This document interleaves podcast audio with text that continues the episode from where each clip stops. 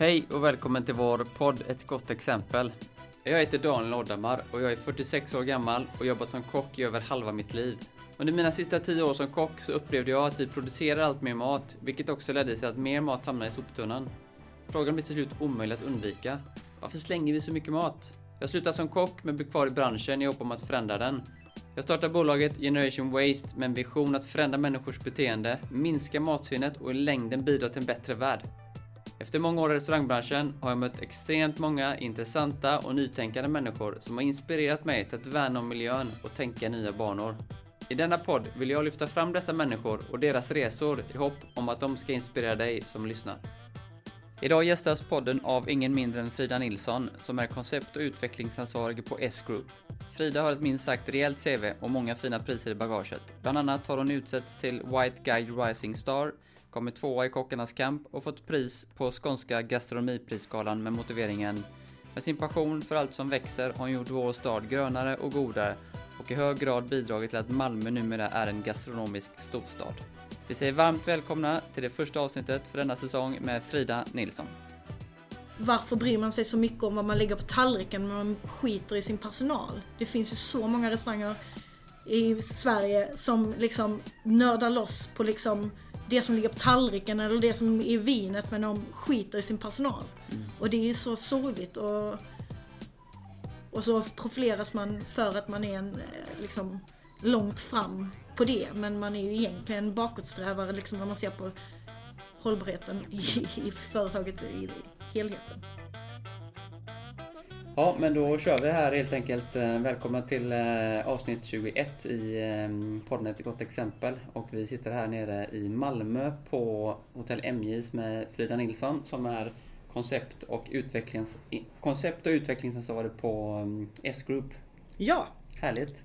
Ja, en helt ny tjänst och supertaggad.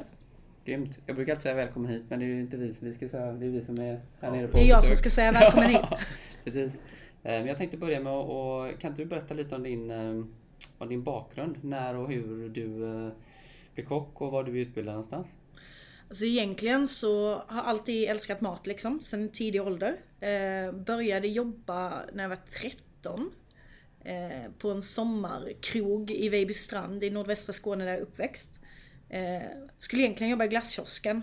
Men eh, slutade med att jag tyckte det var mer intressant att se vad som hände inne i köket. Så jag ställde upp en sån här skylt, ring på klockan så, eh, så kommer jag. Och sen så blev det att de då anställde en annan person för att stå i glasskiosken. Och så flyttades jag in i köket och fick vara liksom klassisk köksnisse liksom. Eh, så på den vägen är det och eh, sen bara fortsatte jag jobba så mycket jag kunde liksom eh, på somrarna och sen eh, var det självklart att söka in till restaurangskolan när det var dags att gå i gymnasiet. Och då gick jag på restaurangskolan i Ängelholm. Och då var det, vilket år var detta? detta är alltså, eh, jag tog studenten 2002. Ja, just det. Så då flyttade jag direkt till Göteborg direkt efter studenten. Ja. Och då hamnade du på, på restaurang Trädgården i Göteborg? Ja, hos ja. Anders Jonas eh, Dahlbom. Bröderna Bacon? ja, precis. Kallas som det? Det har jag aldrig hört.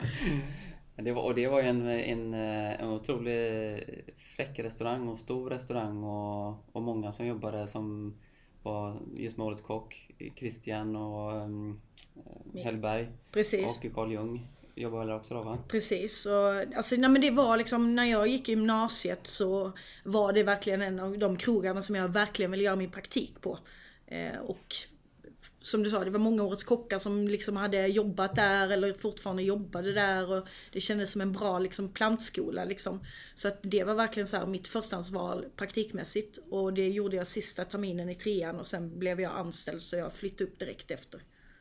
Hur var den eh, miljön där, alltså i det köket när man kom in? Det måste varit en otrolig tävlings, alltså själva känslan i köket. Ja men alltså jag, jag, kände väl att jag hade, alltså så här, när man gjorde sin första praktikdag liksom, då var det verkligen så att man, man vill ju prestera från dag ett. Eh, sen som i alla kök så är det ju liksom så här Iron Maiden på, på, på musikspelaren och liksom högt och stimmigt och liksom eh, det snackas och, alltså så här, det är en vanlig köksstämning så men man, när det, när det var service så var det liksom full fokus liksom, verkligen märkligt att många eh, kockar gillar hårdrock. Jag gillar hiphop mer än, men det är många som gillar hårdrock. Det- Nej, men jag är ingen hårdrock heller. Jag skulle också välja hiphop alla dagar i veckan. Men eh, det, just eh, där var det väldigt eh, tydligt eh, att det var mycket Iron Maiden och Ja, det har också följt, eh, följt med liksom på många ställen liksom. ja. Men eh, och sen då så Göteborg och sen så ehm, har du också pluggat till, du har ju en sommelierutbildning också. Ja. Eh, en, jag läste en eh, eh, yrkesutbildning i eh, Båstad, på Akademi Båstad. Eh, men både sommelier eh, med ledarskap som eh, sidoämne liksom. Eh, för allt jag tyckte var superintressant. Och egentligen jag pluggade vinet bara mest för att jag ville få, liksom, få kunskapen om mat och vin i kombination. Alltså det är mer den eh, touchen på det, inte liksom kunna eh, rabbla massor med terroir och liksom eh, det är jag inte superintresserad av utan det är mer liksom kombinationen och smak. Helheten Ja, ja. liksom. Mm. Det är många kockar som är sommelierer nu. Eh. Men kan du rekommendera att man söker till en sån utbildning? Att man vågar och... Läste du på distans eller var det helt fulltid? Eh, det var dis, eh, di, eh, distans men jag tror vi träffades några, tre, tre fyra dagar i månaden. Och så pluggar man på distans i övrigt liksom. Alltså jag tycker det har gett mig jättemycket och sen så för min del, alltså jag, jag är ju från att bara varit supernördig kock liksom, när jag bara brytt mig om vad som ligger på tallriken. Så tycker jag liksom att man i, om man ska vara en duktig kock nu så tycker jag det är minst lika viktigt att förstå helheten för att gästen bryr sig ju kanske inte så lika mycket om maten som jag gör. Utan det är liksom musiken, ljudet, servicen. Alltså liksom är stolen skön att sitta på? Alltså det är så mycket grejer och mer är vinet bra liksom och funkar allting. Så att jag tycker jag fick ju mycket mm, bara genom att vara i en klass tillsammans med då merparten var i matsalsteam. Eh, då får man ju deras inblick och man liksom hur de resonerar kring grejer och det tycker jag gav mig minst lika mycket som själva utbildningen. Mm. Det som du sa där också, som du var inne på, och för mig kännetecknar det väldigt mycket S-group, det här med musiken, känslan, inredningen. Jag tänkte inte komma in här nu på MJs. Det är som att komma in på en krog, mer eller mindre. Jag tänkte så här, vad är receptionen? Så här, Ja, men det är ju här i... Det är väl lite det som också kännetecknar hela den känslan med hotellen, att det ska andas där som du säger, helheten liksom. Precis, för det, alltså det är ju det som skapar upplevelsen. Eh, verk, alltså tycker jag, och det är någonting som, att, som jag har nördat loss på ännu mer. Och det är alltså så här, från att inte varit superintresserad av hotell egentligen. Så nu när man åker någonstans så nördar man loss. Vilket hotell kan jag få någon inspiration av? På samma sätt som man alltid har nördat på restauranger eller cocktailbarer tidigare så är det också viktigt var man bor för att se liksom hur, hur, hur gör de det? Mm. Eh, och sen då, sen hamnar du i, efter Göteborg så, så hamnar du i um, Andalusien. Precis, Ja. ja. Varför, varför valde du att åka till Spanien? Eh, egentligen på en... Eh, alltså det, det var inte planerat utan det var så här att jag, jag var hemma från Göteborg. Eh, och eh, ströjobbade liksom på någon här sommarkrog för... Eh, efter att jag hade eh, varit ett och ett halvt år ungefär i Göteborg. Och då träffade jag min eh, kusin som bodde, eh, hade direkt efter studenten egentligen åkt till Spanien, varit au pair, gjort den här klassiska resan efter studenten liksom.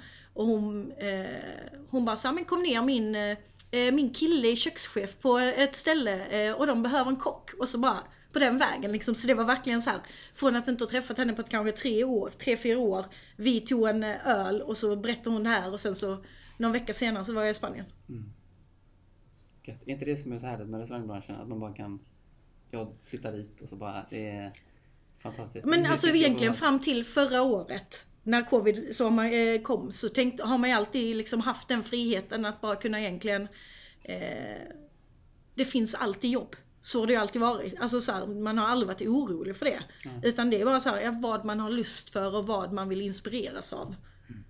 Så kan man bara packa sina knivar och åka liksom. Men är det någonting... Och sen så hamnar du på... Det är så kul att se... um, Jag måste säga en sak som är väldigt intressant. Jag gick in och kollade på din LinkedIn-profil. Jaha. Mm. brukar jag göra så när man gör lite research. Och så kan man jämföra hur man... eh, vad- Hur mycket man skriver in och... Alltså din profil är verkligen så här... det, det är verkligen, LinkedIn blir verkligen en, eh, det är som ett CV man lägger upp. Och där kan jag läsa om eh, många, alltså undrar om många tänker på det att LinkedIn är ett bra sätt att, att samla sin, liksom, när man har sina erfarenheter. Jag har ju ingen tryckt CV utan det jag har är typ min LinkedIn. Mm. Alltså för jag har typ aldrig sökt ett jobb. Nej. Utan det är så här, allting har alltid varit typ nästan av en händelse liksom. Att via en gammal kollega eller alltså kontakter liksom så har ens livet bara rullat på och så har man fått eh, intressanta och utmanande saker. Men sen då så var du på Niklas i Helsingborg. Ja, Ja. Ehm, också spännande, en spännande arbetsplats. ja verkligen. Eh, Det var ju också det är en av de bästa arbetsplatserna jag jobbat på skulle jag säga. Alltså, det var ett litet tight team liksom. Det var innan Niklas Ekstedt öppnade i, i eh, Stockholm. Så när han hade sin eh, krog i Helsingborg och sen så hade han en krog i Viken eh, utanför Helsingborg och sen så körde han en sommar i Torekov på gamla Kattegatt som Rickard och Robert Nilsson hade innan. Ehm, så att eh, jag var med jag vet inte exakt hur länge jag var där, men knappt ett år kanske. Eh, sen skulle jag följt med upp till Stockholm men så valde jag, fastnade jag lite i Torekov för jag gill, alltså, jobbade där på sommaren med Niklas och sen så fastnade jag där för jag liksom kom in i lunket på något sätt, på ett härligt sätt. Eh, älskar miljön och det är ju typ som hemma för mig. Det är väldigt nära där jag är uppväxt.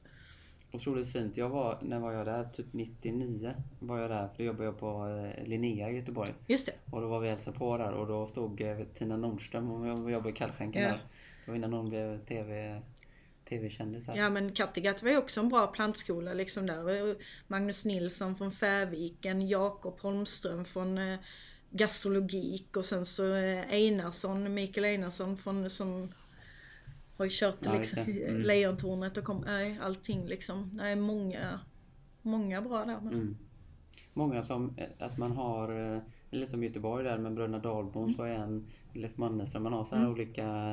Men jag tänker när jag kommer till Malmö så ehm, tänker jag väldigt mycket på Thomas Drejing. Ja, på Peter Pumpa. Mm. Han känns som en sån här urfader här till all liksom eh, till mycket utav det som är så modernt idag egentligen med matlagningen. Eh, verkligen. Och han, alltså det märker man också liksom vilka som har blivit fostrade i hans, eh, i hans kök liksom. Eh, och vilka som kommer därifrån. Eh, men, eh, men jag tror det är så att det, av någon händelse finns det lite sådana olika plantskolor runt om i Sverige.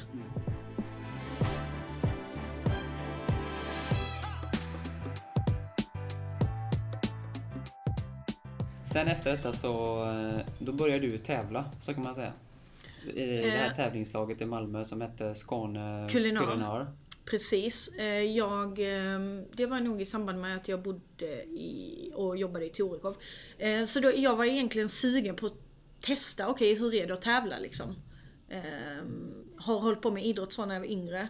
Och liksom tänkt att okej men kan vi testa och se hur det, alltså hur det känns liksom rent så här matmässigt. Eh, eh, och kom med i Skåne Kulinar som är ett kock regionalt kocklandslag. Så istället för att man tävlar då eh, liksom nationellt, som Sverige mot Danmark till exempel, så blir det så här, ja, men, Skåne mot Toscana och liksom alltså regioner istället.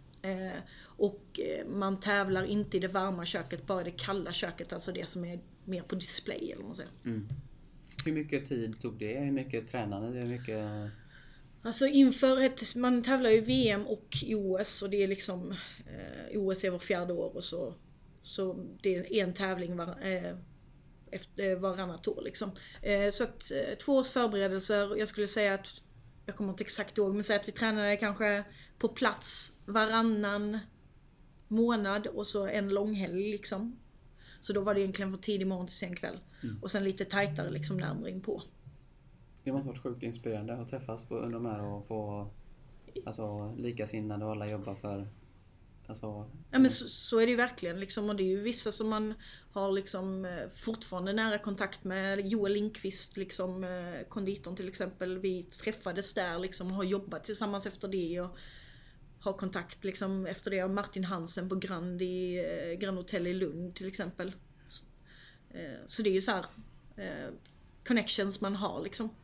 Eh, Vem är det som, eh, styr det här? Vem är det som, hur blir du förfrågad exempelvis? Hur funkar det? Det var liksom en... eh, Jag såg det dök, Jag vet inte om det var Facebook eller vad det var liksom. Men det dök upp i mitt flöde att man sökte nya medlemmar. Och då skickade jag in en ansökan. Då är det egentligen att man skickar in sin CV och typ ett personligt brev. Och sen vet jag att jag kom till Malmö och satt liksom och blev intervjuad mer eller mindre. Och sen så blev man antagen. Är någon ekonomisk ersättning eller är det bara liksom... Nej, det är mer en intressegrej liksom. Det är som ett lag, som Ja. en idrott. Liksom. Ja. Så, och sen så kan man ju få via då, eh, för man har ju sponsorer och så, så kan det vara så att man får kanske lite uppdrag att skriva recept för de här eller gör det här så, dema det här så kan man eh, tjäna pengar på det sättet liksom. Men just för själva träningen och tiden får man inte betalt. Man lär sig mycket antar jag också. Ja, så alltså det är mer så man ser det skulle jag säga.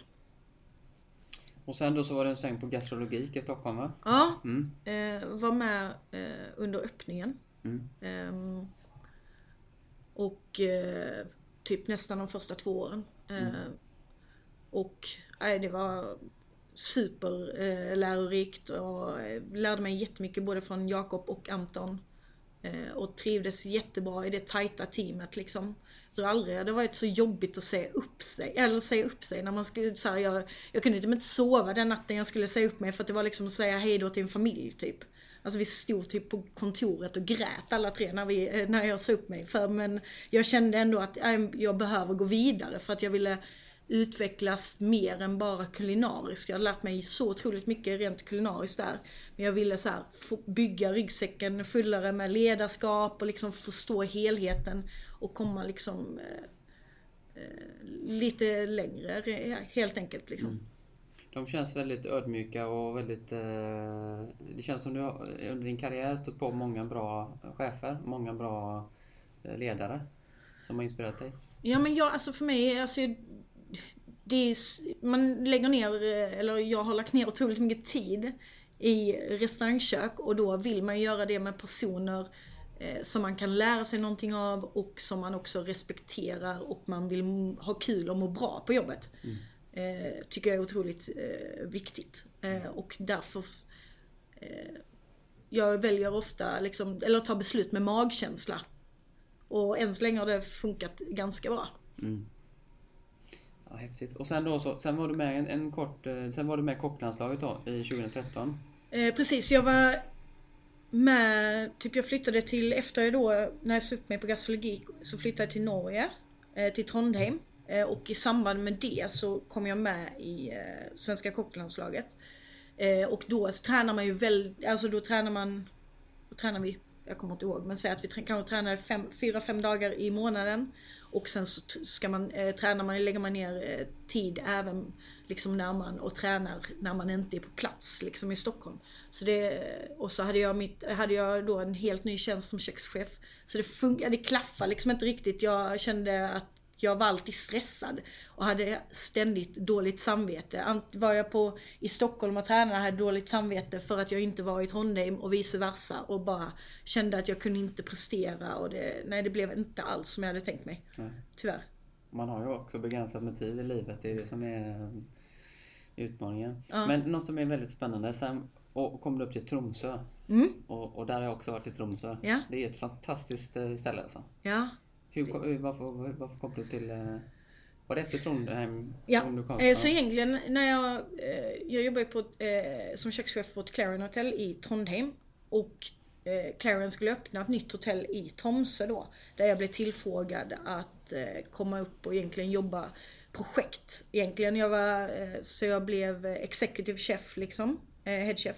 Och satt med alla köksritningar, alla rekryteringar, satte alla menyer och inriktningar liksom. Så jag jobbade tre månader eller fyra månader pre-opening och sen så första egentligen åtta månaderna i drift bara för att sätta allting. Och jag hade ett slutdatum liksom redan i början av min anställning. Och, det, och det är egentligen så jag kom upp eh, till Tromsö. Ja, Otroligt. Eh, Jag berättade för grabbarna här nu på tåget ner. Jag jobbar i Tromsö. Jag skulle åka upp och rensa fisk Mm. eh, så här, och tjäna massa pengar.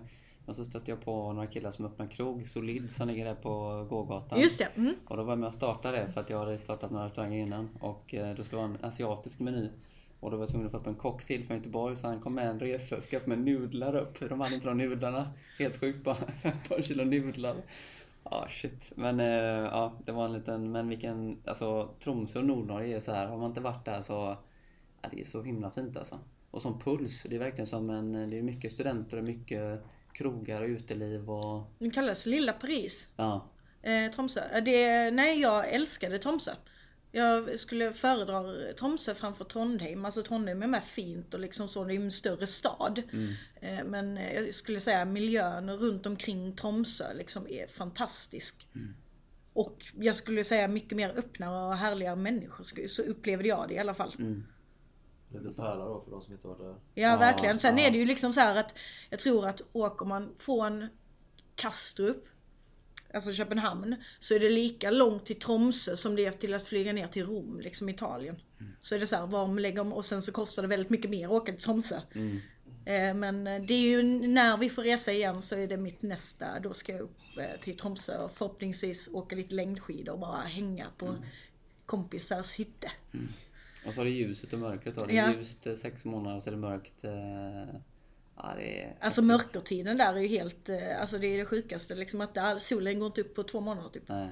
Nej, det är, ja, det är ett tips för alla som vill åka till, ut på en häftig resa. Men nu, och sen då kommer vi tillbaka till, vi åkte förbi då Clarion Malmö. Det här stora, um, ska jag säga rätt? Clarion eh, Malmö var... Live. Ja, precis. Stort hotell och stort eh, mässor och jätte, det såg jättestort ut där borta. Precis, så att jag, när jag då slutade i Tromsö så flyttade jag ner eh, och det var så jag kom till Malmö egentligen för då fick jag möjligheten att vara med och öppna Clarion Malmö Live. Som du säger, stort hotell, 444 rum, stor bankettavdelning som kan ta typ så 800-900 pers liksom eh, sittande på middag och två restauranger och konserthus med liksom all service till det och barer och allting och så så kom jag dit och var eh, food and beverage manager blev jag där. Eh, Så jag var ytterst ansvarig för, eh, jag tror vi skulle omsätta 150 miljoner bara mat och dryck. Oj, jag fick du något att bita där då? Ja det var, det var det var apropå det jag sa att jag ville lära mig när jag slutade på Geeks och bara kom, eh, det är det som samlades upp under hela Clarion-tiden skulle jag säga. Jag tänkte kolla med det. Vi, vi jobbar ju vi jobbar med Comfort Hotels i Göteborg i Nordic Choice-kedjan och de har en väldigt tydlig hållbarhetsprofil. Det är liksom i deras eh, DNA. Och eh, det, kan du känna att du har tagit med dig med att du jobbat då Clarion då, Tromsö och Malmö. Har du tagit med dig det in i, när du kommit in i S-Group? Att du tar med dig tänket? eh, Eller hur, hur, hur mycket har det formats av det? Alltså det är väl, alltså för mig, det är svårt att säga eh, om- det är just eh, genom att ha jobbat på Nordic Choice eller Kanske mer än- eh, mer, alltså för, att, för mig är det, vissa grejer faller naturligt liksom på samma sätt. Alltså så här, eh, till exempel, ja men varför skulle man inte köpa ekologiska ägg? Alltså, det, alltså för mig är det, det är väl ingen fråga liksom, det är väl en självklarhet liksom.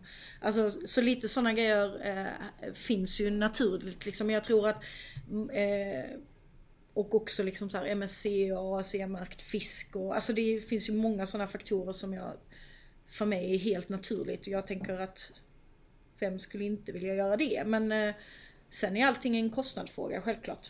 Och det är väl där, där det faller för många. Eh, Och just också när man är van då kanske vid en lite mindre restaurang att man kan jobba med de här råvarorna och det här till att när det växer och blir större så är det en, en utmaning. mm.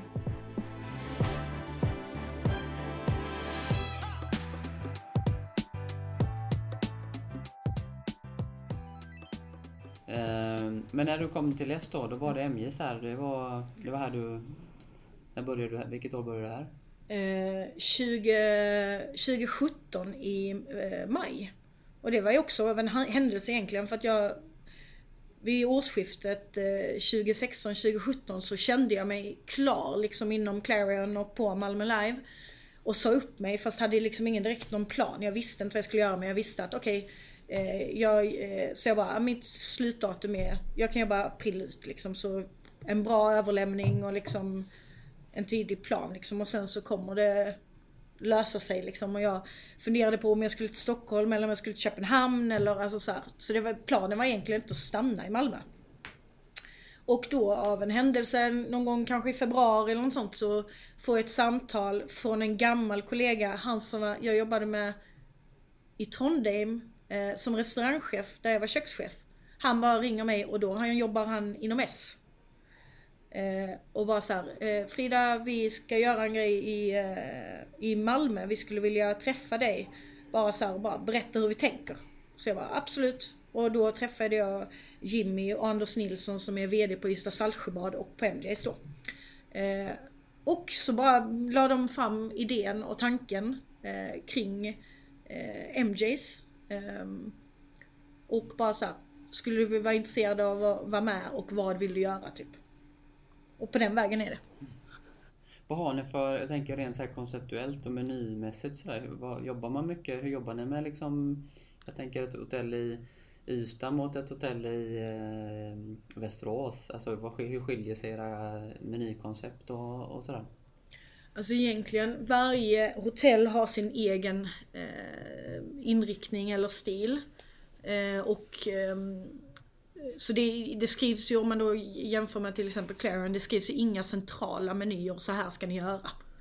Utan eh, eh som vi fick ju själva pitcha, här på Emnys fick vi ju själva pitcha att vi vill ha den här inriktningen på vår restaurang liksom.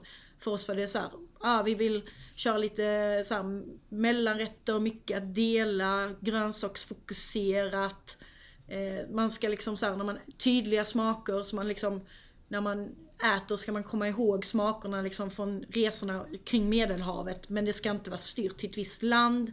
Utan det kan vara harissa i en rätt och salt citron i någon. Och väldigt tydlig basilika i någon. Eller olivolja eller whatever liksom. Mm. Eh, och det har varit så. Så alla de olika ställena har sin eh, grej. Och det är det jag ska hjäl alltså så här, hjälpa dem att alla de här delarna ska bli tydligare om man säger så. Mm. Så att det blir ju lätt när man att eh, vissa av eh, restaurangerna är ju lite större och när man, om du ska leverera ut mat till 200 personer varje dag för att eh, det är ganska bra, eh, eller det är väldigt bra beläggning på hotellen och därav alltid ett bra flöde med gäster i restaurangerna. Och då är det lätt att man, att det blir mainstream eh, och det är alltså fokuset är att vi ska vara tydliga i vad vi är på varje ställe och det ska jag hjälpa till med. Mm. Du har sagt att din... Eh, dels din eh, såhär, signaturet här nere är kål, harissa, getyoghurt och valenciamandlar. Mm. Jag bara läste det och bara shit, jag blev så hungrig igår kväll när jag läste det. Och sen att du har en rätt som du käkar nere i Italien med liksom färsk fisk, hemmagjord mozzarellaost och, och väldigt så färska, helt nygjort och... Är det liksom det som är din, alltså... Vad, vad, vad är din filosofi rent... Eh, Ja, men jag, alltså jag älskar tydlig och rak mat. Alltså och enkel. Eh, bra råvaror. Och eh, det är ju en sak som jag bara brinner mer och mer för. Som nu för två år sedan började vi här på MDIS jobba med en stadsodlare vid Rosengård. Så vi, som odlar helt biodynamiskt. Där vi är med egentligen. Eh, har satt senast förra veckan och liksom kolla på vilka fröer ska vi köpa in, hur ofta vill vi ha grejerna på menyn. Så att vi gör egentligen en skördekalender som kommer styra när vi byter rätter eh, på kvällen på restaurangen. Liksom. Och vi har varit med och skördat och hela gänget har varit där från köket har varit där och liksom lagat mat till odlarna och liksom vi har en väldigt fin och nära relation. Och det, det är sånt jag brinner för liksom. Eh, verkligen. Att få kontakten eh, för att korta ner ledet mellan eh, egentligen köket och eh, liksom var produkten kommer ifrån. Mm. Har, du alltid, har du alltid tänkt så? Men alltså när, vi, när jag var barn så hade vi i vår trädgård så odlade vi ganska mycket. Jag var alltid med pappa när vi satte färskpotatisen eller när vi eh, morötter var med och valde liksom att jag ville att vi ska odla majs och vi, alltså man tog hand om allting och vi köpte alltid hela djur och liksom styckade och frös och sådär. Jag vet inte om det handlar om att man är uppväxt lite på landet liksom, att man har så här, här åker vi och köper potatis, gräver upp den själv. Alltså, det, för mig har det varit eh, eh, så naturligt som möjligt och det är väl dit jag skulle vilja komma liksom, eh, bara mer och mer. Ja. Jag hade en eh, som jag tyckte var väldigt intressant här. Du har också med i ett projekt som heter eh, Midwest World Chefs Tour Against Hunger. Ja. Eh, vill du berätta lite om, om det projektet? Det var, eh, nu kommer jag faktiskt inte ihåg vilket år det var, men 2011. 2011, ja bra. Jag har koll. Det, det, är det är bra att du har koll på mig fall. Eh, nej men då, eh, Svenska Kockars Förening eh, beslutade att de skulle vara med och liksom skicka några kockar från Sverige till Sydafrika eh, under en period på 3-4 veckor. Eh, och då var jag en av dem som fick eh, möjligheten att åka med. Eh, och då åkte vi ner till Johannesburg eh, och fick träffa kockar från eh, större delen av världen. Och vi var där på en välgörenhetsgrej som egentligen lite olika actions som gjordes för att samla in pengar för eh, hunger liksom i Sydafrika. Så det var allting från att man stod på någon scen på någon mässa och liksom lagade mat till en charity dinner till eh, vi var och lagade mat på barnhem och liksom eh, levererade ut mat. Så att det var liksom flera olika saker under en period på ungefär tre veckor. Vad skönt att få göra sånt. Det är ju ja, fantastiskt. Jag glömde en sak här. Vi, ehm, vi skulle sagt i början, men du har också fått jättefina priser. Du har vunnit Årets Stella-kock. Ja. Eh, är det samma pris? Det är väl samma pris som eh, Sofia också har vunnit va? Ja, hon, jag vann eh, kock och hon vann ledare tror jag. Eller, Ja, så var det kanske. Alltså Ja, jag för mig. Mm. Och sen har det varit ett pris som jag tyckte jag var jättefint. Malmö Akvavit stipendium. Eh, Jag ska citera. Sin passion för allt som växer gjort vår stad grönare och godare i hög grad bidragit till att Malmö numera är en gastronomisk storstad. Den är fin. Den är ja. fin. Det är... Ja, det är jag, jag tänkte också eh, prata lite grann om dels vad som inspirerar dig och lite också vad som driver dig framåt. Ehm, jag läste att du har en mentor som heter Miri Sumik. Mm. Ehm, Och det är egentligen från Clarion-tiden. ja. skulle jag säga. Ehm, så att han är ju inte, han är inte alls kock utan eh, så det, det handlar mer liksom om eh, driv och passion och liksom hur, alltså mer den delen skulle jag säga. Eh, Och sen ser jag också att du har en, en Mattias Dahlgren, han är också så här, det är min husgud också, men Dominique Krenn som har det här eh, fina restaurangen i San Francisco. Eh, hon är ju helt otrolig. Jag såg det på Chef's Table. Hon har, Ja. två, hon har två krogar nu tror jag. jag tror det var, ja. Vilken... Eh, ja, sån otroligt inspirerande. Och Thomas Keller har du skrivit också. Ja, det är, alltså det är väl så här eh, en gammal liksom så här att man French Laundry har ju alltid varit en sån krog, det är väl så här typiskt kockigt tror jag liksom att det är mycket så här roliga tekniker och liksom kändes eh, att han var väldigt tidig och typ jag vet att när jag var, jag tror jag var 24 eller något sånt så hade, körde han gästspel eh, på Fredsgatan 12 i Stockholm. Så jag och några kockar, då jobbade på, ja men jobbade med, hos Niklas i Helsingborg. Så vi åkte upp till Stockholm och liksom la typ såhär 6000 kronor som var jättemycket pengar då på en, eh, liksom när man var 24 på att käka middagen och så hade vi, käkade vi lunch på Mattias Dahlgren innan så det är nu en av mina dyraste matdagar, typ såhär 8-9 tusen på en dag bara på mat. Men det var väldigt inspirerande och kul liksom.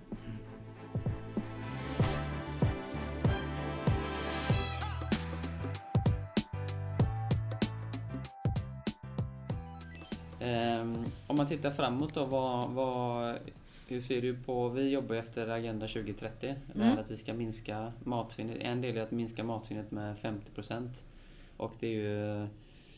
Ja, det är massa olika liksom mål. Så här. Vad, hur ser du på liksom... Hur ser du på framtiden? Jag kan uppleva, nu har vi en, haft en jättekris i restaurangbranschen, men jag får en känsla av att det är ett blankt papper liksom. Vad, hur kommer det se ut framöver? Eh, och hur kommer liksom... Hur ser du på, på utvecklingen fram, framåt de närmsta fem åren till exempel? Alltså jag hoppas och tror att det här kommer bidra till att vi tänker om och tänker till. Eh, både när det gäller hållbarhet, eh, alltså både i matsvinnet och val av råvaror och liksom hur vi tänker. Jag skulle vilja se en ny tallriksmodell. Den har inte uppdaterats, alltså mig veterligen ordentligt. Liksom, jag kommer ihåg när man såg den i skolan, liksom, den känns så otroligt omodern.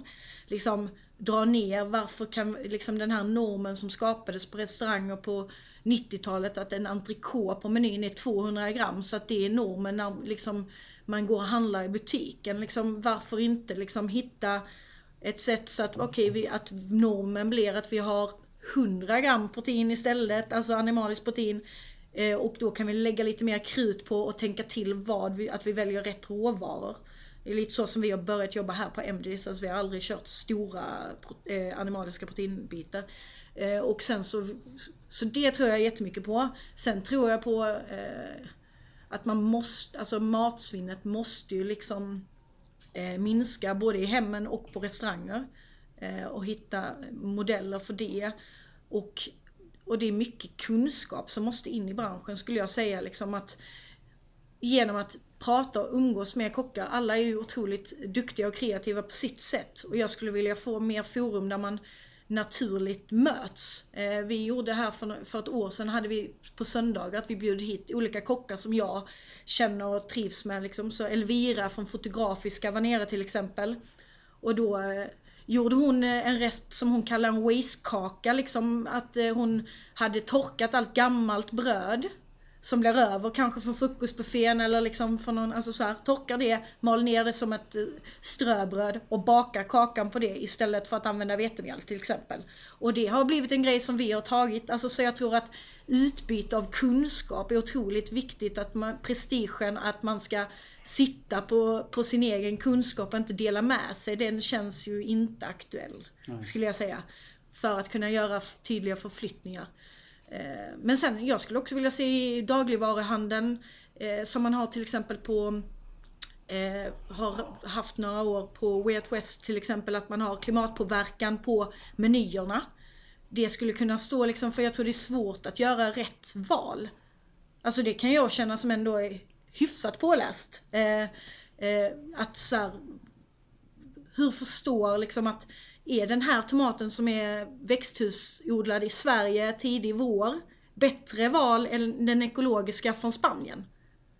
Eh, det är otroligt svårt och komplext att veta det. Alltså man kan inte vara påläst på allt. Men jag skulle vilja hitta, alltså att det kommer liksom olika hjälp, eh, alltså för att ta fram sådana saker så att det kan bli lättare för oss alla att göra rätt, även liksom som privatperson. Mm. Vi ska ju, imorgon ska vi ha ett eh, webbinar med Tarek Taylor och Epinium och jag var nere i Malmö för två år sedan mm. och lyssnade på Tarek när han såg och prata och han hade en idé eh, att man kan späda ut proteinet med, med växtbaserat, alltså med bönor. Ja. Och det har jag testat nu eh, rätt mycket och hoppas att vi får testa imorgon. Vi ska också testa en fisk. Ja, vi har inte riktigt bestämt vilken biff det är än men tror du på Alltså, I den offentliga måltiden har man jobbat mycket med att dryga ut proteinet. Man mm. minskar ner. Mm. Um, hur ser du på, hur ser du på, skulle det kunna vara ett, något man skulle kunna jobba med? Just att man, eller ser du mer att man, som du säger, man minskar proteinet än att man blandar de här två? Jag tror man kan göra både och. Men mm. för att jag tror att också att vi, alltså att vi Många äter ju och får i sig mer protein än vad man egentligen behöver. Om man ska liksom gå tillbaka till vad man lärde sig när man gick i restaurangskolan och när det var näringslära. Så är vi ju inte så pålästa på det utan vi har ju ändrat, alltså vi äter ju inte så som egentligen vad kroppen behöver.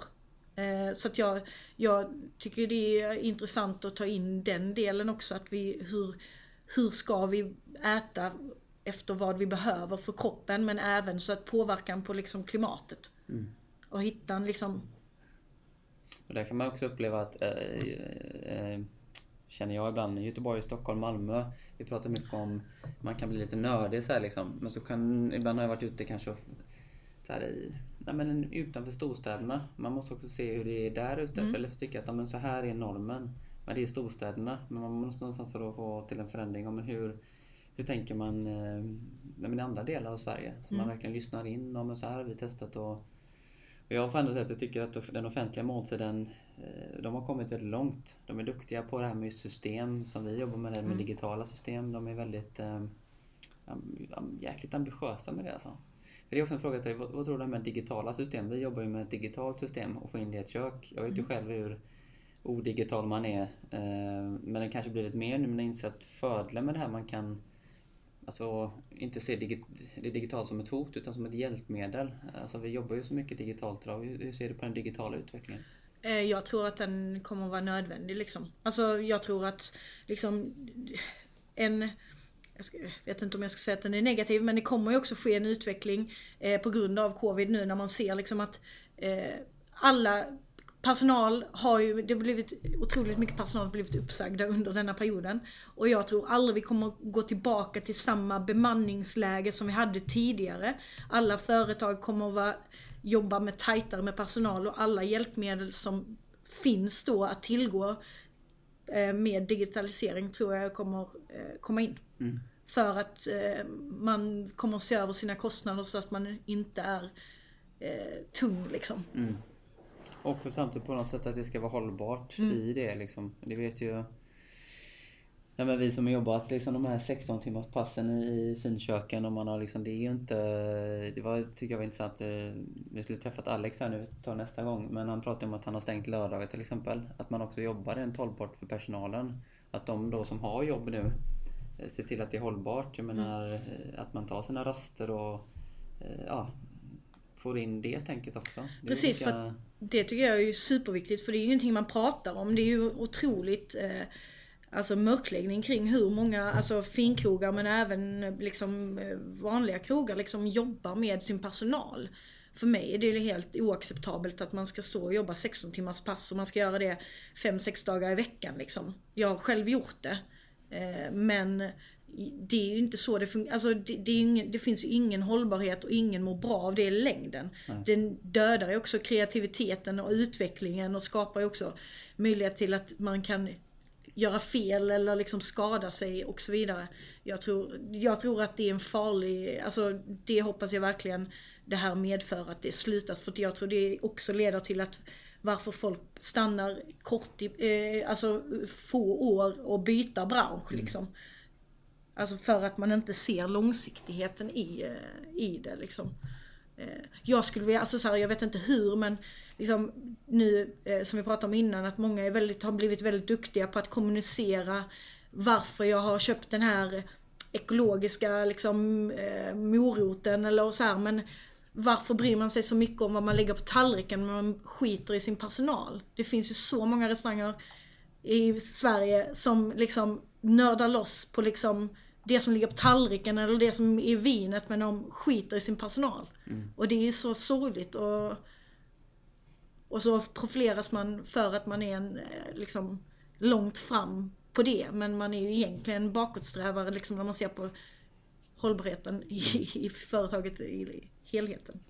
Och där måste jag ändå ge en, en stor eloge till S. Jag tycker ändå att de har i den här krisen liksom försökt och man tänker om och tänker nytt och, och mycket... Nej men man värnar om sin, sina män, de som jobbar för det liksom. Och hur får man dem att må bra långsiktigt? Inte bara så här nästa kvartal utan eh, jag tror att det är nyckeln för att också få in. För risken är nu kan jag tänka att nu lämnar många branschen och går till andra branscher. För det var ju personalbrist innan Ja. krisen och vad hände sen? Så att det, vi har mycket att jobba på där. Precis, jag tror det och det, jag tror många har blivit svikna Eh, i samband, alltså för att det är många avslut liksom eh, under detta året liksom när folk har, har fått gå från sina jobb som kanske inte gjorts liksom by the book och liksom på ett snyggt sätt.